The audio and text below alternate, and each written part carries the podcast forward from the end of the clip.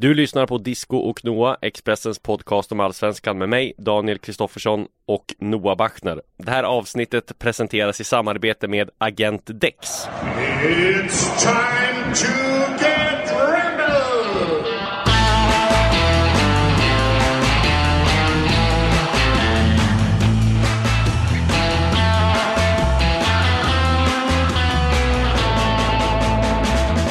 Ja, Disco, vet du vem Agent Dex är egentligen? Inte en aning, berätta.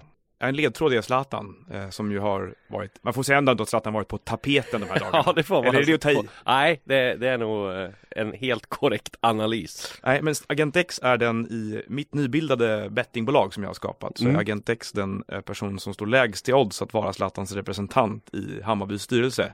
Det är nämligen honom Okej. man brukar ty sig till när det gäller, han vill få fart på affärer. Ja, Jag vet inte om du minns den här eh, mycket udda reklamserien för kalsonger som han gjorde. När han höll på med A till Z så gjorde Zlatan ett gäng YouTube-reklamfilmer tillsammans med en Ja, ja. Nu uppseendeväckande det. tråkig norsk komiker. Nu De var ihåg. fruktansvärt tråkiga. de ja han var riktigt dålig. Agent Dex är komikern som han Precis. teamade upp med Nu där. kommer jag ihåg. Och honom har man inte sett till sen dess. Förmodligen då i min värld för att han har groomats för det här uppdraget. Så nu ska han rätt in i Bayerns styrelse, Agent Dex. Ja. För det är väl egentligen det som de flesta tror. Ja, eh, men nu när du säger det, nu vet jag exakt vem det är. Ja. Eh, jag hade glömt det där. Och det säger väl en del om eh, Zlatans affärssamarbeten. De har väl eh, en tendens att bli rätt bortglömda och framförallt att de går ner sig. Allt han, att allt han tar sig för blir det inte succé om man säger så. Du har ju appen, du har klädmärket, du har Vitamin Well. Varierad, Ja. varierat utfall, eller hur, eh, får man säga hittills. Eh, ja. Eh, Agent X var ju det sista man såg av A till Z då till exempel, Ja. klädmärket innan det meddelades att det inte skulle fortsätta finnas. Eh, så kanske det sista vi ser av Bayern då, det här. ja, exakt. Nej, men det var ju en riktig bomb här som Sportbladet avslöjade eh, att eh, Zlatan Ibrahimovic går in och eh, blir delägare i eh, AEG Sweden. I Hammarby. Ja, i Hammarby. You couldn't make it up. Nej, Eh, det är, precis. Den som, den som påstår att svensk fotboll är tråkig att följa, den följer inte svensk fotboll. Det var ju någon som sa Östersund får ingen elitlicens Zlatan Ibrahimovic till Bayern eh, Vilken är Hammarby-supporten som sitter med en önskning kvar och lampan? Ja, det är eh, väldigt, väldigt lite kvar nu i Ja. deras, för att deras, jag menar det måste vara den bästa november i Bayern land på, på ganska länge. Ja, på det det, det, det, det hela Den här en- enda önskningen kvar nu är väl att eh, Tankovic Genoa spricker också så har de fått allt Får de behålla honom. Eh, Exakt, det ska vi återkomma till senare Ja, precis. Ehm, nej, men vi måste ju ta det här från början då, Zlatan. Ehm, så här är det att eh, det finns ju massa olika aspekter av det här som man kan prata om. Och Ja. eh, när jag säger att det här är den bästa november i Bayernland på länge så får man ju ha respekt för att, eller ha i åtanke att det finns ju Hammarby-supportrar som reagerat ganska olika på det här. Det finns nog de som tycker att det här känns lite plojigt på något sätt. Ja, att det blir lite känns- mer kommersiellt Ja, eh, bland annat. Ja, Eh, vi kan ju ta, ja, det finns ju lite bakgrund när det gäller Zlatan och önskemålen om att eh, ha ägande i svenska fotbollsklubbar. Det är nämligen så att jag undersökte för ungefär två år sedan tror jag en grej jag fick höra om Mm. att han eh, i, tillsammans med sina goda vänner Olof Mellberg och Daniel Marstorovic hade ett uttryckt intresse för att ge sig in i Brommapojkarna på ja något sätt. precis Och det där tog ju extra mycket fart, eh, de där uppgifterna tog extra mycket fart. De var rätt svåra att belägga, det är inte så att du har de här killarna på speed dial och kan Nej, och fråga vad som gäller. Eh, men när Mellberg då först blev tränare i Brommapojkarna och sen kom Majstorovic in som sportchef så Ja. väntade i alla fall jag på att Zlatan skulle avisera sitt engagemang också. Mm. Han köpte även ett, ett sommarhus i Stockholms skärgård och det kändes liksom som att han började bädda för sig på något sätt här. Alltså, Så blev det ju inte. Men direkt. Eh, nu är han alltså då eh, framme vid en punkt i sin karriär där han ska eh, ha ett sorts inflytande över en svensk fotbollsklubb istället. Ja. Och vad är din första reaktion till det här? Ja, min första reaktion är att eh, det här är ett av de märkligaste beslut som eh, ja, en fotbollsperson har tagit eh, överhuvudtaget som har med svensk fotboll att göra. Det är extremt märkligt i så många olika aspekter. Och varför det blev Hammarby, ja, det, det fattar man ju inte heller. Eh, det är klart det har någon koppling till AEG, men att Zlatan just väljer Hammarby några eh, veckor efter att han har fått en staty upprättad efter sig i Malmö Ja det är, alltså den tidpunkten också, tajmingen är ju extremt märklig och han Får man ju säga om man ska vara krass, pissar ju på liksom Malmö eh, supportrar får man säga och liksom lite av Malmö FF också, liksom det arv som han har lämnat efter sig där kommer ju liksom inte bli i närheten av vad det, var, vad det har varit eller vad det är. Nej, det får man ju säga. Alltså, jag undrar om det är en sorts, eh, eh, vad ska man kalla det för? Att han har en, en övertro på det här arvet ibland. Att han tror att han är untouchable, att han kan göra precis vad som helst och så ska alla tycka exakt lika mycket om honom i alla fall. För så är inte fallet. Nej, Vi har ju liksom, det här är inte den enda grejen han har gjort tror jag för att provocera människor som har sett upp till honom väldigt mycket. Det, liksom, hela den här långa raden av utspel som ledde fram till VM 2018. Mm. Bara den gjorde ju att det började liksom skruvas på sig lite i Sverige med så här, måste, vad håller du på med nu Ja. liksom? att det blev Ehm. för mycket mot Janne, att det för mycket liksom, han tog fokus från Den det hela. typen av utspel ja.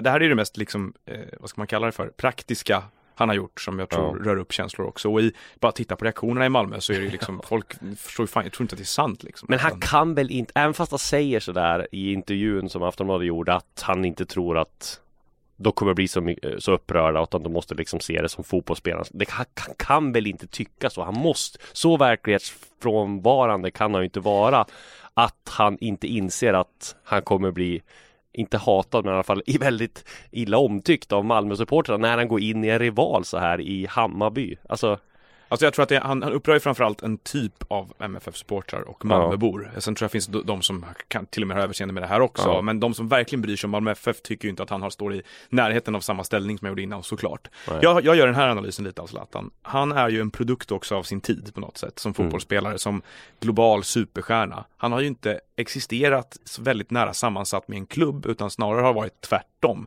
För det är lite så fotbollen har utvecklats. Förut Ja, så fanns det ju en, precis. en, snarare en känsla för spelare kanske att de gjorde sig tacksamma över att bli kontaktade eller kontrakterade av den och den klubben för man Mm. fick tillhöra den klubbens historia.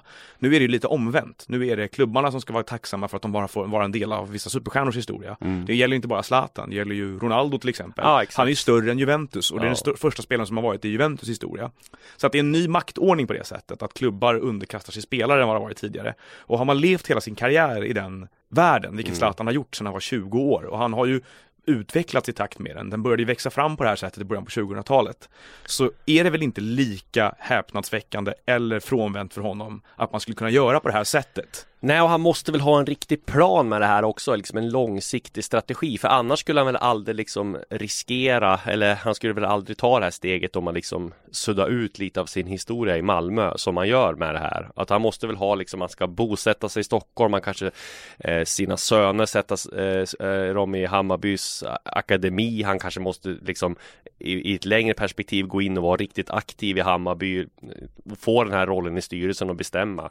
Eh, jag tänker framförallt på liksom Salle Östlund eller Daniel Majstorovic som en framtida sportchef och alltså värvningar som har liksom som han har haft med att göra, liksom hans kontaktnät och utnyttja det. Så, så, måste det ju vara nästan känns det som än att det här ska vara någon typ av plojgrej för att han inte har någonting att göra. eller Nej, en Och jag- ekonomiskt kan det ju liksom inte handla om att han ska försöka tjäna några väldiga pengar även fast han, även fast han tänker och har ju tänkt väldigt mycket på pengar under karriären så tror jag inte att det här har liksom, liksom i första hand någonting med att göra att han vill tjäna jättemycket pengar. Nej, nej, det är inte det huvudsakliga motivet. Nej. Det kan det omöjligt vara. Det är klart att det finns en varumärkesaspekt av det det kan ge avkastning i andra sammanhang än de rena in, aktieinnehavet då här. Ja. Men det är en ganska låg risk investering får man säga på något sätt. Om man nu kan kalla det för investering. Men liksom själva innehavet är låg risk därför att det är för en prognos för en ganska liksom modest men stabil värdeutveckling för honom på något sätt i det, han, i det han kan äga i Hammarby.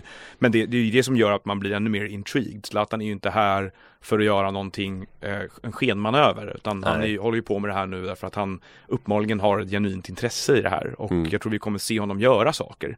Vi kommer se honom komma med idéer eller utspel och det kommer Ja. framförallt säkert blir ganska tydligt med, med tiden hur mycket inflytande han vill ha och hur mycket han vill lära sig inför någonting annat. Precis, och det började lite grann redan i PSG det här. Zlatan var ju väldigt involverad då också hur man skulle liksom strategier, hur man skulle bygga klubben i en del värvningar som han hade göra. Jag hade, kommer ihåg att han hade liksom vissa utspel där han menar på att hur PSG skulle bygga sin strategi med värvningar och taktik och alltihopa. sådär. Så jag tror att han är mycket inne på det spåret. Ja, han, han har ju länge varit det och han har ju ofta haft en, en rätt tydlig, tycker jag i alla fall, funnits tydliga likheter mellan honom och Mino Raiola i den aspekten. Jag tror han Mm. har varit ganska influerad av Raiola som ju också är den nya tidens liksom legosoldat sportchef nästan. Raiola har, bygger ju ett lag i Milan och så bygger han ett lag i Manchester United och så bygger han ett lag i PSG. Mm. eh, lite om vartannat och flyttar sig fram och tillbaka och sådär. Och jag menar, tror Zlatan ser sig själv i, den, någon sorts gråzon där på något sätt också, fast på en ännu högre maktposition här kanske. Att det är en, det är en Ja. vision för honom. Det här är väldigt mycket spekulation såklart i det, men det blir Ja. ett sånt här skede. Ja, det är klart det blir det. Eh, Eh, men men eh, om vi, för att gå tillbaka till det här med Malmö FF då, så är det ju såklart så att som du säger att eh, han upprör ju MFF eh, och sin, den här statyn hamnar någonstans som symbol i centrum för alltihopa. Eh, samtidigt så den är ju också en symbol för vad Zlatan har betytt för Malmö. Han, Mm. alltså, hans, hans historia och vad han åstadkom ute i världen efter att ha fötts upp i Malmö och det var Malmö som formade honom. Den förtvinar ju inte på grund av det här. Det är väl snarare att man liksom, just kopplingen till MFF som klubb som ju känns eh, Ja men alltså tänk dig om eh, Marcus Rosenberg skulle köpa eh, liksom delägarskap i Djurgården eller eh, i AIK. Det är väl på den nivån man kan, även fast nu man, går det liksom inte jämföra. Zlatan gjorde väl kanske 40 matcher i Malmö. Rosenberg har gjort många fler. Men Ja just- men ja, i mina ögon har ju Rosenberg, är Rosenberg en mycket mer betydande person för Malmö FF. Ja men självklart är det varit, så, men liksom. just symbolvärdet för, för liksom det Zlatan har varit för unga, för liksom, han har ju hela tiden under sin karriär pratat om de här liksom, min resa kan eh, liksom inspirera andra ungdomar i Malmö, Rosengård, allt det där liksom. Mm. Det består ju.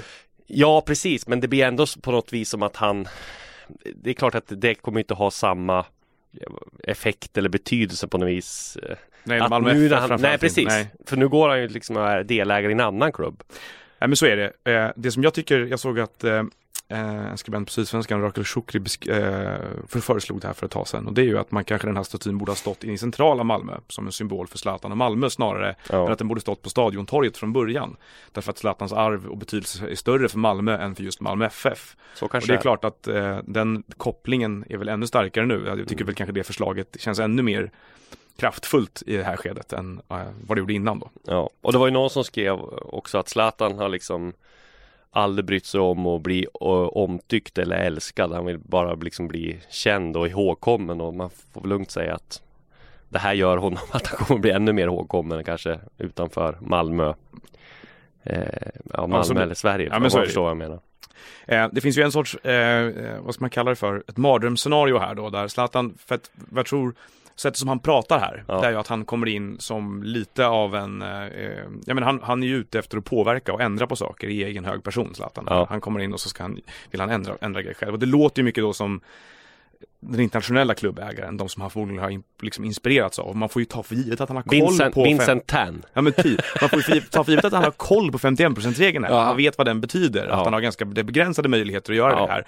För att det här med att, att vi såg en otroligt rolig, eh, vad ska vi kalla det för, skiss av en framtida eh, första sida på Expressen.se Ja. som Kristoffer Anderton Ja, har vilket gjort geni. på Twitter här, där det här har spårat ur 2021 och Ja. Zlatan försöker byta namn på arenan Ja. och eh, både det ena och det andra, han har helt enkelt tagit klubben i sitt eget våld. Ja. De möjligheterna finns ju inte där som det är nu, så den farhågan är lite överdriven. Den var fantastiskt rolig den här eh, retuscheringen av den här första sidan dock, ska vi säga. Eh, ska vi, eh, har vi, har vi mer att säga om det här?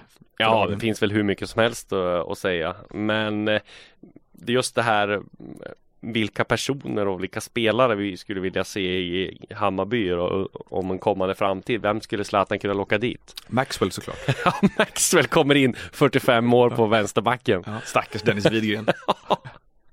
och Billborn petar honom, och då ryker Billborn. Ja, exakt. Men, jo, men det är väl så här då, en grej till, en aspekt till av det här. Han kan ju inte få reellt inflytande i termer av att han kan bestämma saker på styrelsemötena. Nej, Men om Zlatan skulle dra in, jag bara spekulerar nu, ett jättesponsoravtal med Samsung till Ja. exempel, till Hammarby. Ett som liksom, ja men tredubblar deras kommersiella intäkter över ett år. Eh, då är ju det lite som ett gisslan.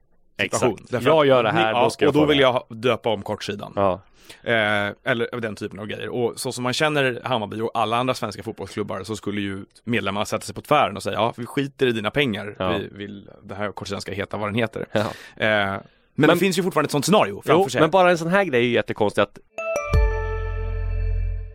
Välkommen till Coolbet där spänningen aldrig tar slut och underhållningen står i centrum. Här får du inte bara Sveriges bästa fotbollsodds, du får också en spelupplevelse som är rättvis, transparent och framförallt rolig. För oss handlar det om mer än bara spel. Det handlar om att ta en paus, att våga chansa och att kanske vinna stort. Det oväntade gör varje ögonblick unikt. För dig över 18 år, stödlinjen.se. på stadion där eh, i Malmö så har de en loge som heter Zlatan-logen. Mm. Alltså det är också att Det är man också har konstigt, Ja, ja. det är också, alltså det blir ju Och det, allt det här är ju liksom en sorts kollision med då, eh, med, med modern fotboll om man ska Ja. kalla det för. Den fotbollen som har funnits, som har utvecklats överallt utom i Sverige egentligen. Mm. Att den här typen av saker kan hända. Det är också det här regelverket att Zlatan kan ju nu teoretiskt skriva på för MFF. och spela mot Bayern. Ja. Det är ingenting som stoppar honom från Nej. det. Därför juridiskt är han liksom inte bunden av det Nej. Han kan spela Europa League för Ja men säg att han skulle gå till Milan då. Jag Ja. vet inte, det känns som de inte kvalificerar sig för Europa League. men, eh, och möta Hammarby i Europa League-kval nästa Ja. höst liksom. Det är... Eh, Jo men också så här att det första som eh, alla MFF-supportrar ser när de ska gå till en hemmamatch Det är eh, Zlatan som är delägare i eh, Hammar, Hammarby liksom 25% Hammarby. Ja, det blir är, spännande att se vad som händer med statyn men den ska väl stå kvar har de slagit fast va? Ett kommunalråd eller var det någon Ja, det var som- inte på nej, tal om nej. det. Jag, skulle, jag ställer mig dock bakom förslaget att flytta den till centrala Malmö istället. Jag tycker Ja. det låter helt rimligt. Men sen har de ju, var det ju Först var det väl en person igår som hade täckt över statyn med eh, två eh, Bajenhalsdukar Och sen var det väl nu satt det väl ett stort klistermärke på ena låret på Zlatans lår med en stor bild på Marcus Rosenberg Som, som, är den stora hyschar. vinnaren i allt det här. Ja, exakt. Han, blir ju ännu större ikon Ja. nu. Det är ju liksom, det är, det är Nu väldigt- kommer du ha en Zlatan-staty och två Rosenberg-statyer. Det är ju själva PR-räddningen för Zlatan här. Ja. Ut och säga han gjorde det här för att Ja. ge Rosenberg den uppmärksamhet han förtjänar. Där han ville ta bort fokus från sig Ja. själv och få. Rosenberg att framstå i ännu bättre dagar. Exakt. Ett geni helt enkelt. Ett, ett geni. Allt Eh. iscensatt av Marcus Rosenberg. Tal om att det här känns som en kollision mellan den eh, moderna fotbollen som har fostrat spe- fotbollsspelaren och fotbollshjärnan Zlatan Ibrahimovic och svensk fotboll. Så var det ju ett årsmöte, eller det var det inte alls, det var ett medlemsmöte Mm. i Malmö eh, och Malmö FF igår, igår kväll. Eh, de hade ju knappt hunnit sänka segerölen medlemmarna där innan den här nyheten damp ner som en bomb och Ja. fick marken att vibrera under deras fötter. Men de mobiliserade i alla fall och det var 1405 röstberättigade personer som deltog i omröstningarna på det här mötet och man besegrade med 78 procents majoritet, eh, en 78-procentig majoritet, förslaget om att gå samman med LB07s damlag. Mm. Eh, och jag tycker väl att det finns en viss symbolik i allt det här, ett sorts väldigt fint ögonblicksporträtt av svensk fotboll där eh, MFF då, vad jag fick höra från några som hade varit involverade i den här mobiliseringen, ganska inspirerad av det AIK gjorde för ett och ett halvt år sedan när man ville byta styrelse och tog Ja. 900 personer till ett årsmöte och egentligen demonstrerade kraften i föreningsdemokratin på det sättet. Och, och så dagen efter så händer allt det här, att det där blev en väldig kontrast på något sätt. Men jag som förespråkare av, av eh, föreningsdemokrati och 51%-regeln tycker att det här var ett utmärkt exempel till på hur den ska fungera. Jag tycker att det var Ja. helt rätt av medlemmarna att sätta sig på tvären mot det här förslaget. Jag tror att det finns ett ganska utbrett missnöje med ordföranden eh, i Malmö FF. Ja. Eh, och eh, framförallt så hade det varit lite märkligt därför att eh, i den tid som eh, just nu är i svensk fotboll där det riktas väldigt mycket rättmätig ilska mot det som har hänt med Östersunds FK som vi Ja. kommer in på alldeles strax. Eh, att då låtsas som att det inte finns samma typ av problematik med att göra ett övertagande av en annan klubb mitt i ett seriesystem. Mm. Och Det är ju samma sak som Ja. de var irriterade på, på det, i det här fallet. Eller AFCs klättring genom seriesystemet. ja, Så varför ska man inte leva som man lär? precis Eh, så. Så att det var ju väldigt, helt rätt gjort av eh, MFFs medlemmar att eh, visa vad klubben skulle stå för i det här Ja. avseendet. Helt rätt. När Östersund då? på- Ja, Östersund då. Ja, Där finns go. det en del att snacka om också.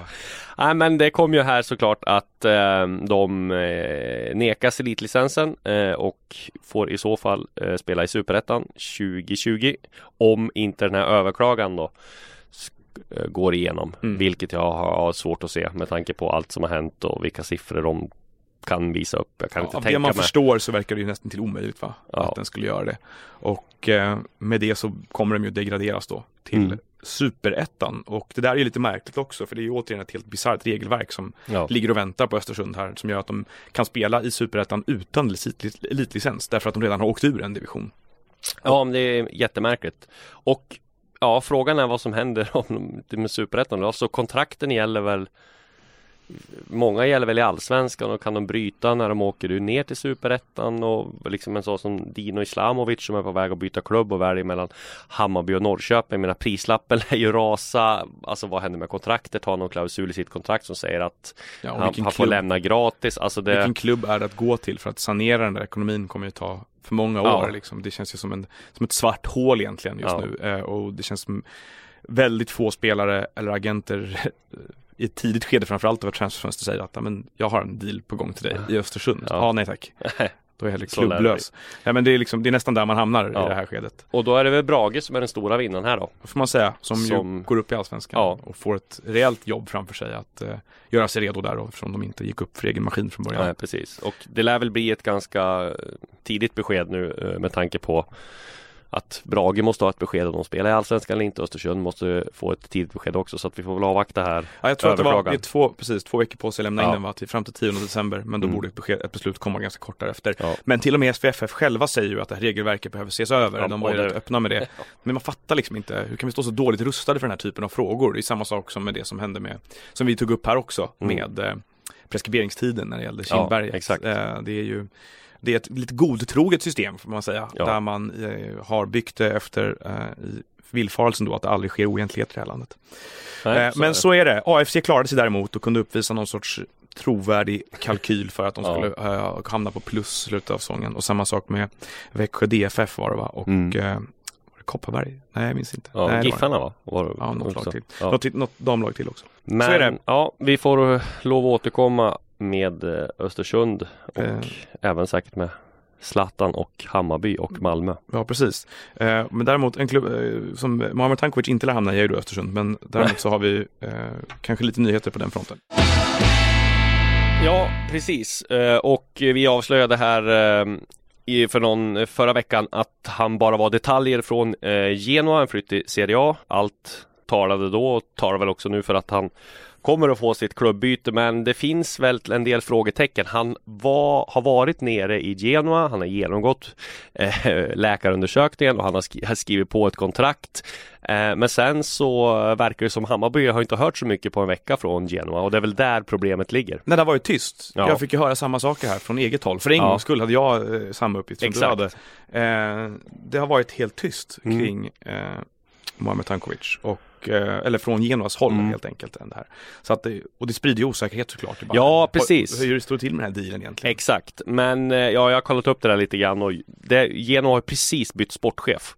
Eh, Så det kan ju vara det som ställer till det av att det fördröjs att de har haft väldigt mycket annat att och, och eh, göra med tanke på att de har bytt sportchef samtidigt. Ja, om de ska byta sportchef då ska vill han ta in Tankovic eller gäller det här kontraktet som han har skrivit på om inte klubbarna är helt överens och så att ja, det finns en del frågetecken att reda ut kring Ja, verkligen. Alltså, Italien. Italien är ju ett hårt sportchefsstyrt land. Ja. Eh, där sportchefen har mycket makt och framförallt kan göra stora förändringar på kort tid. Och Tankovic har ju pratat hela året om att välja klubb med noggrannhet här. Mm. Att komma in som ersättare till en skadad spelare i en klubb som byter sportchef. Mm. Det låter ju inte som världens bästa recept för mig. Nej. Men ja, vi, får, vi ska gräva vidare i Tankovic-grejen här. Men om jag får ta en kvalificerad gissning här. Om han varit nere och genomgått läkarundersökningen och skrivit på ett kontrakt så borde det ju faktiskt lösa sig här. Men vi ska som sagt eh, kolla upp det här lite närmare. Så är det.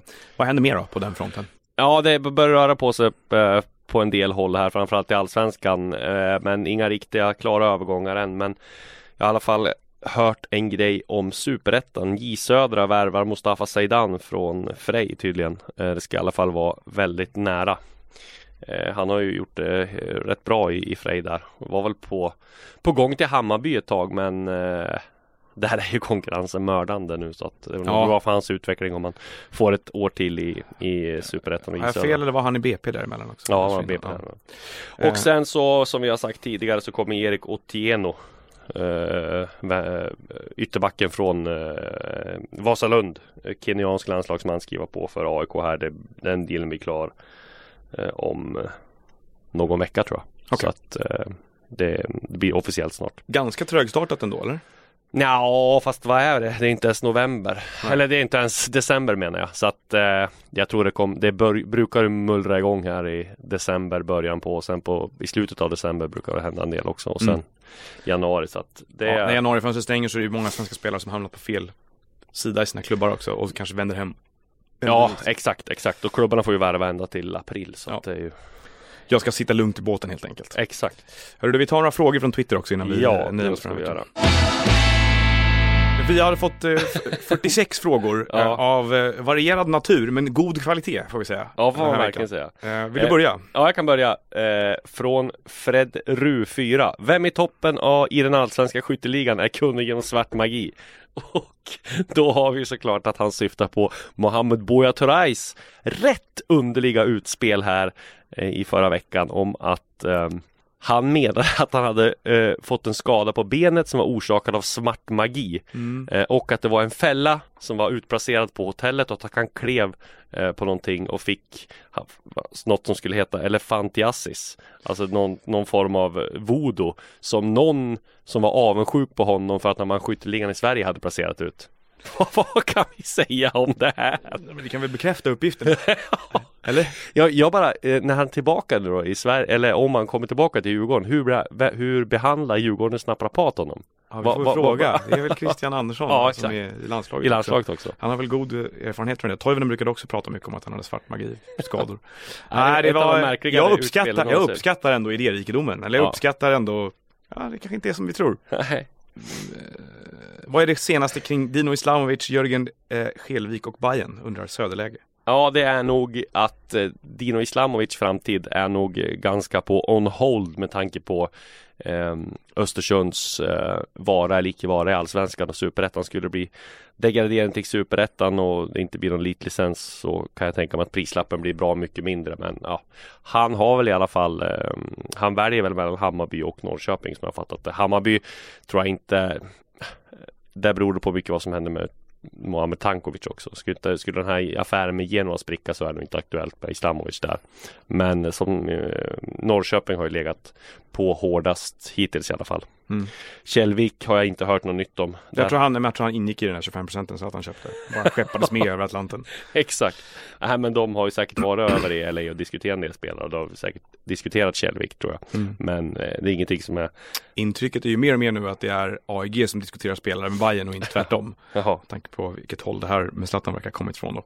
Eh, vilken är Noahs favoritlåt från 80-talet undrar Bockstensmannens mördare? Det är This must be the place med Talking Heads. Oj. Ett rakt svar, Mm. inga konstigheter. Emil Eiman Roslund undrar så här. Bosse Andersson alltså, en hyllad sportchef, men vem är allsvenskans bästa? Det får vi nästan utnämna honom till. Det finns väl topp Ja, finns Ja, väl Dan- fyra i toppen. På 2010-talet Daniel Daniel Andersson. Andersson varit bäst. Daniel Andersson har varit bäst med tanke Mm. på, ja precis. Bosse, Björn Westrom och Jesper Jansson. Där har vi dem va? Ja, med reservationen att eh, Jansson lämnade ganska många lågor, stora lågor efter sig i Helsingborg va? Ekonomiskt. Ja, men Kanske inte var hans fel. Nej, det var inte bara hans fel tror jag. Det var mycket ordförande där också. Sån här som, som inte i styrelsen som jag Nej, tror inte pratar inte samma språk. budgetansvar alla gånger. Nej, Men eh, jag håller väl med dig om den eh, rangordningen i övrigt. Ja. de har gjort väldigt bra jobb allihopa.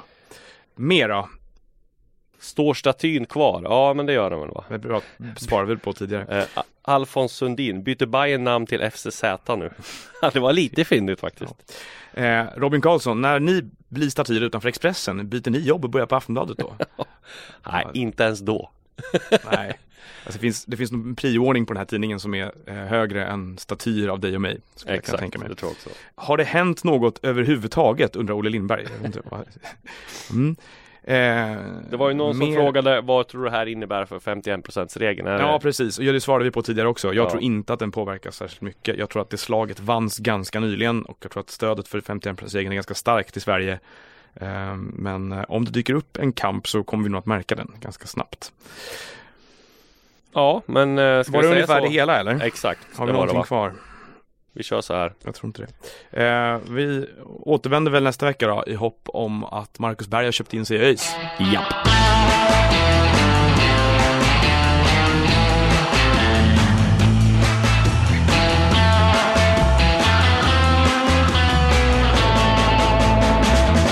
Du har lyssnat på en podcast från Expressen. Ansvarig utgivare är Klas Granström. Hej, Ulf Kristersson här. På många sätt är det en mörk tid vi lever i. Men nu tar vi ett stort steg för att göra Sverige till en tryggare och säkrare plats. Sverige är nu medlem i Nato. En för alla, alla för en. Har du också valt att bli egen? Då är det viktigt att skaffa en bra företagsförsäkring. Hos oss är alla småföretag stora och inga frågor för små. Swedeas företagsförsäkring är anpassad för mindre företag och täcker även sånt som din hemförsäkring inte täcker. Gå in på swedea.se företag och jämför själv.